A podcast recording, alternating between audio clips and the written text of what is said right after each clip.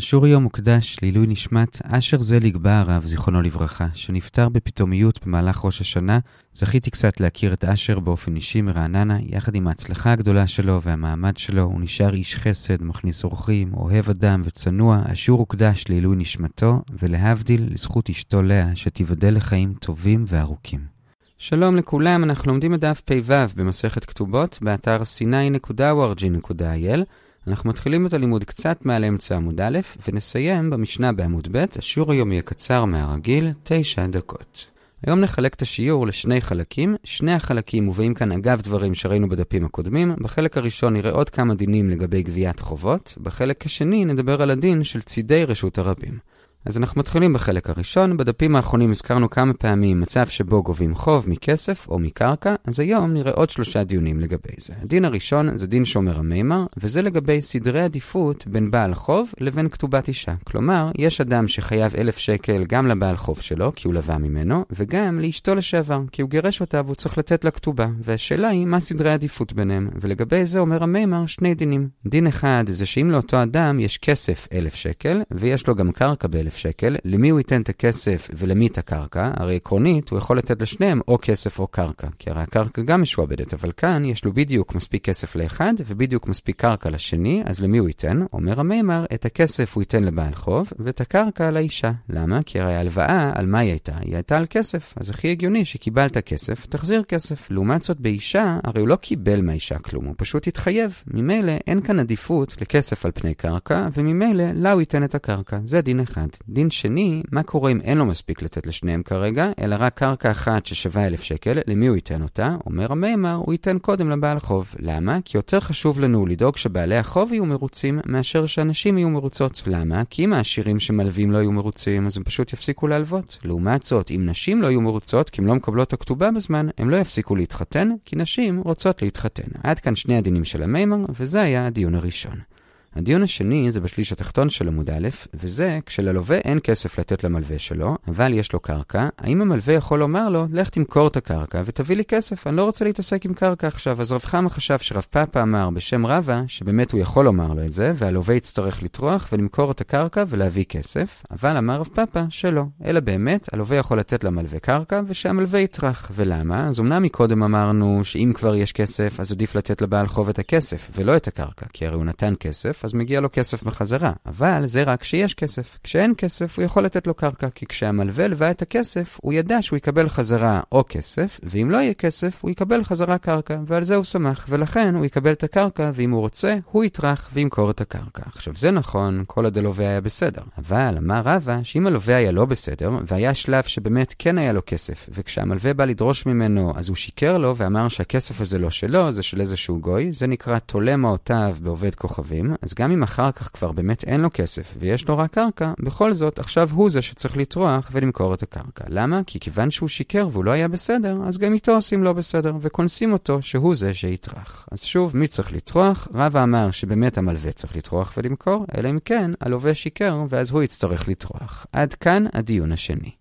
הדיון השלישי זה דיון שעוד לא מובן לי לגמרי, וגם לראשונים זה קצת היה קשה, ונסביר את זה לפי הריטווה, וזה ששואל רב כהנא, באיזה זכות אנחנו מכריחים לווה לשלם את החוב שלו. כלומר, קודם כל הוא מניח שוודאי שמכריחים, הריטווה אומר שזה מפורש במשנה בבבא בתרא קע"ה, וממילא הוא שואל, באיזה זכות אנחנו מכריחים. עכשיו אומר הריטווה, אם שיעבודא דאורייתא, כלומר כשאני מלווה לך כסף, הקרקע שלך משתעבדת אליי מדאורייתא, אז ודאי שמובן שאפשר להכריח אותך לשלם לי, כי בעצם יש לי קצת קניין בנכסים הנכסים שלך, וממילא ודאי שאתה חייב לשלם לי, ויכריחו אותך אם לא תשלם. אבל מה ששאל רב כהנא, לפי רב פאפה, ששיעבודה לא מדאורייתא, אלא רק מרבנן, אז באיזה זכות אנחנו מכריחים אותך לשלם. עכשיו הריטווה אומר, ודאי שגם אם זה רק דרבנן, עדיין אפשר להכריח אותך לשלם, כי הרי הפקר בית אין הפקר, ובוודאי שהם יכולים להחליט שאנחנו כופין אותך לשלם. אבל השאלה היא, איך בכל זאת אפשר להסביר את זה גם ברמה הדאורייתא, ולא רק בדרבנן. ועל זה ענה לו רב פאפה, גם ברמה של דאורייתא אפשר להכריח. למה? כי אמנם אין שיעבוד נכסים. נכסים, אבל מצווה ודאי שיש. יש מצווה דאורייתא להחזיר חובות. רש"י לומד את זה מהפסוק והין צדק, שדורשים מזה שההן שלך יהיה צדק והלאו שלך יהיה צדק. כלומר, תגיד אמת, לקחת הלוואה, הבטחת להחזיר, יש מצווה להחזיר. ראשונים אחרים לומדים את זה מפסוק אחר, האיש אשר אתה נושה בו יוציא אליך את האבות. בכל אופן, זה מצווה דאורייתא, וממשיך רב פאפה ואומר שכופין על מצווה דאורייתא, גם אם זה רק מצווה ולא איזשהו קניין. איפה הוא רואה שכופים? כי אומרת הברייתא, אמנם אחרי שאדם עבר כבר על איסור, אז הכי הרבה שניתן לו אם זה היה לאו זה 39 מלקות. אבל לפני שאדם עובר על איסור, או לא רוצה לקיים מצווה, אז אפשר לכפות אותו בכמה מכות שצריך, אפילו עד שתצא נשמתו, בשביל שהוא יקיים את המצווה. אז ממילא לסיכום, אומר רב פאפה, גם אם שיעבודה הוא רק דרבנן, גם מדאורייתא אפשר להכריח את הלווה להחזיר את החוב, כמו שאפשר להכריח אותו בכל מצווה, כמו למשל לעשות סוכה.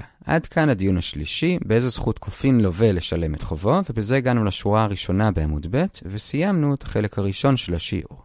החלק השני מובא כאן גם כן לגמרי בדרך אגב, וזה לגבי המעמד של צידי רשות הרבים. למה זה מובא כאן? כי בדף פ"ד הזכרנו את המושג הזה, עוד רגע נזכיר באיזה הקשר, אז עכשיו הגמרא מביאה לגבי איזה דיון נוסף.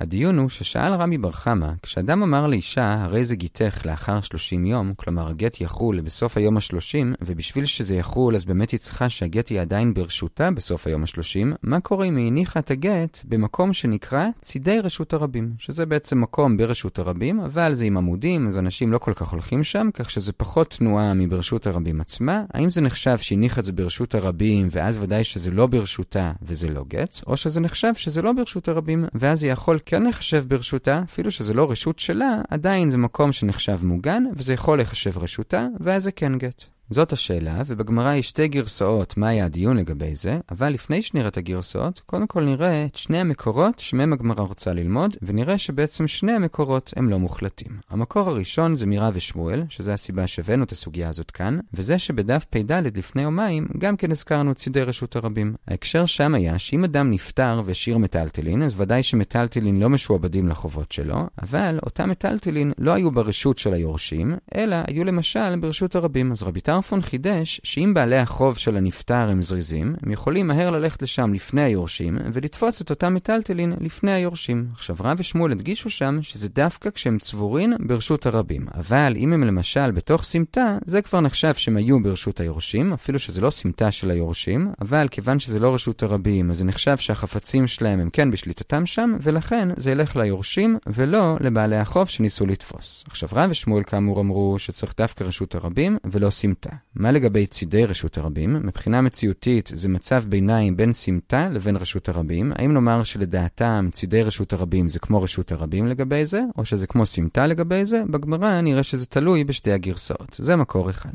המקור השני זה מדין שאמר רב נחמן, וזה דומה מאוד למקרה של הגט, רק שהפעם מדובר בקניין. כלומר, ראובן מכר לשמעון את הפרה שלו, והוא אמר לשמעון, תמשוך את הפרה, אבל היא תהיה קנויה לך רק עוד 30 יום, אז בשביל שזה באמת יעבוד, צריך שביום ה-30 הפרה תהיה ברשותו של שמעון ולא ברשות הרבים, ועל זה אמר רב נחמן, שאם באותו יום הפרה הייתה באגם, כלומר לא רשות הרבים, אבל גם לא ברשות היחיד של הקונה, אלא באיזשהו משהו ביניים, שזה אגם, כלומר שדה ששם היא ראתה, בכל זאת הוא קנה. כלומר, אמר, כיוון שזה לא רשות הרבים, זה יכול לחשב כרשותו של הקונה. עכשיו, הוא אמר את זה כאמור לגבי אגם. מה לגבי צידי רשות הרבים? אז גם כאן כאמור תלוי בשתי הגרסאות, האם נאמר שצידי רשות הרבים זה כמו אגם, ואז זה כן נחשב הרשות של הקונה או הרשות של האישה, או שזה לא, אלא זה כבר נחשב רשות הרבים, וזה לא תופס. אז אלה שני המקורות שמהם הגמרא מנסה ללמוד. שוב, רב ושמואל לגבי מטלטלין של יתומים, שהם אמרו שצריך דווקא רשות הרבים בשביל שזה לא יהיה שלהם, אבל סמטה זה כן שלהם. לא ברור לגבי מצב הביניים של צידי רשות הרבים, ומקור שני זה רב נחמן שאמר שאגם כן יכול להיחשב כרשות, בניגוד לרשות הרבים, אבל גם כאן לא ברור האם צידי רשות הרבים זה כמו אגם או שלא. עד כאן המקורות, עכשיו נראה את מהלך הגמרא, ובגמרא יש שתי גרסאות בדיוק הפוכות. הגרסה הראשונה זה שהתחילו מרב ושמואל, ורצו ללמוד משם שצידי רשות הרבים לא נחשב רשות, כי הם מניחים שלפי רב ושמואל צידי רשות הרבים זה כמו רשות הרבים. אחרי זה הגמרא מנסה לדחות את זה מרב נחמן ולומר שזה כן נחשב רשות, רשות, כי אם אגם נחשב רשות, אז צידי רשות הרבים זה כמו אגם ולא כמו רשות הרבים, אבל הגמרא דוחה את התחייה הזאת ואומרת לא נכון, אגם זה באמת לא נחשב רשות הרבים, אבל צידי רשות הרבים אולי כן נחשב רשות הרבים. זאת הגרסה הראשונה. הגרסה השנייה זה מהלך בדיוק הפוך. מתחילים דווקא מרב נחמן ולומדים מהאגם, שכמו שהאגם נחשב רשות, אז גם צידי רשות הרבים נחשב, וזה לא כמו רשות הרבים. את זה מנסים לדחות מרב ושמואל, שאמרו רשות הרבים, ולכאורה זה גם כולל את צידי רשות הרבים, שזה לא נחשב רשות, אבל דוחים את התחייה ואומרים לא, רשות הרבים לא, אבל אולי צידי רשות הרבים, גם לרב ושמואל, כן. אז אלה שתי הגרסאות, כשלמסקנה, לפי הגרסה הראשונה, צידי רשות הרבים זה כן כמו רשות הרבים, ואז הגט לא יועיל. לפי הגרסה השנייה, צידי רשות הרבים זה כמו אגם, ואז הגט כן יועיל. עד כאן החלק השני של השיעור, בזה הגענו למשנה הראשונה בעמוד ב'. למרות שנשאר לנו עוד הרבה מעמוד ב', בכל זאת נעצור כאן, בשביל שמחר נראה את כל הסוגיה הבאה בבת אחת, ולא נחצה אותה לשניים, ובינתיים נחזור על מה שראינו, חילקנו היום את השיעור לשני חלקים. בחלק הראשון ראינו עוד שלושה דיונים שקשורים לגביית חובות. הדיון הראשון זה שאם יש לאדם שני בעלי חוב, גם בעל חוב של הלוואה וגם אישה שרוצה את הכתובה שלה, אז אם יש לו גם כסף בשווי של חוב אחד וגם קרקע בשווי של חוב אחד, אז את הכסף הוא ייתן למלווה ואת הקרקע לאישה. אם אין לו מספיק לשניהם, אז הוא ייתן קודם למלווה, כי יותר חשוב לנו שבעלי החוב יהיו מרוצים מאשר שאנשים יהיו מרוצות, כי אם לא, בעלי החוב יפסיקו להלוות, אבל אנשים לא יפסיקו להתחתן. זה היה הדיון הראשון. הדיון השני, כשללווה באמת יש רק קרקע, וזה מה שהוא נאלץ להביא למלווה שלו, בהתחלה הגמרא חשבה שהמלווה יכול לדרוש ממנו קודם תמכור את הקרקע ותביא לי כסף, אני לא רוצה להתעסק עם קרקע, אבל הגמרא דחתה, והלווה כן יכול לתת לו קרקע, ושהמלווה הוא זה שימכור, אלא אם כן תפסנו שהלווה שיקר וטען בהתחלה שאין לו כסף, כשבאמת היה לו, אז עכשיו שבאמת אין לו כסף, אלא רק קרקע, קונסים אותו שהוא זה שימכור אותה ולא המלווה. זה היה הדיון השני. הדיון השלישי זה שאלה עקרונית יותר, באיזה זכות אנחנו מכריחים לווה לשלם את החוב. מילא אם שיעבודא דאורייתא אז הוא משועבד לחוב, אז ודאי שמכריחים אותו לשלם. אבל לפי רב פאפא ששיעבודא דרבנן, אז נכון שמרבנן ודאי שכופין. אבל האם אפשר להסביר את הכפייה הזאת גם ברמה הדאורייתא? ועל זה ענה רב פאפא, כן, כיוון שזה מצווה להחזיר, אפילו שאין שיעבוד, בכל זאת, על מצווה אפשר לכפות, כמו שאפשר להכות אדם עד שהוא יסכים לבנות סוכה. זה היה הדיון השלישי, וזה היה החלק הראשון של השיעור. בחלק השני דיברנו על המעמד את צידי רשות הרבים. אמרנו שמצד אחד, ברב ושמואל שראינו לפני שני דפים לגבי המטלטלין של יתומין, הוא אמר שדווקא אם המטלטלין ברשות הרבים, אז הנושים יכולים לתפוס אותם, אבל בסמטה לא, ולכאורה צידי רשות הרבים זה כמו רשות הרבים, שזה עוד לא שייך ליתומים. אבל מצד שני, רב נחמן אמר לגבי פרה שעומדת באגם, שזה כבר כן נחשב של הקונה, אז לכאורה צידי רשות הרבים זה כמו אגם. עכשיו, לגבי מה השאלה? לגבי אדם שאומר לאישה, הרי זה גיתך, אבל רק לאחר 30 יום, וביום ה-30 היא הניחה את הגט בצידי רשות הרבים. האם זה עדיין נחשב ברשותה או שלא, ולגבי זה ראינו שתי גרסאות. לפי הגרסה הראשונה למדנו מרב ושמואל שזה לא מועיל, כי זה כמו רשות הרבים. ניסינו לדחות את זה מרב נחמן שלגבי אגם זה כן נחשב רשות, אבל דחינו אולי אגם כן, וצידי רשות הרבים לא. זה הגרסה הראשונה. לפי הגרסה השנייה, המהלך הוא בדיוק הפוך. התחלנו מרב נחמן שאגם כן, אז לכאורה גם צידי רשות הרבים כן. ניסינו לדחות מרב ושמואל שלכאורה צידי רשות הרבים זה כמו רשות הרבים, ודחינו, לא. אולי הם אמרו את זה דווקא לגבי רשות הרבים, אבל צידי רשות הרבים זה כמו סמטה או אגם, וזה כבר כן נחשב ברשותה, והגט יהיה גט. אלה שתי הגרסאות, ועד כאן החלק השני, כל טוב.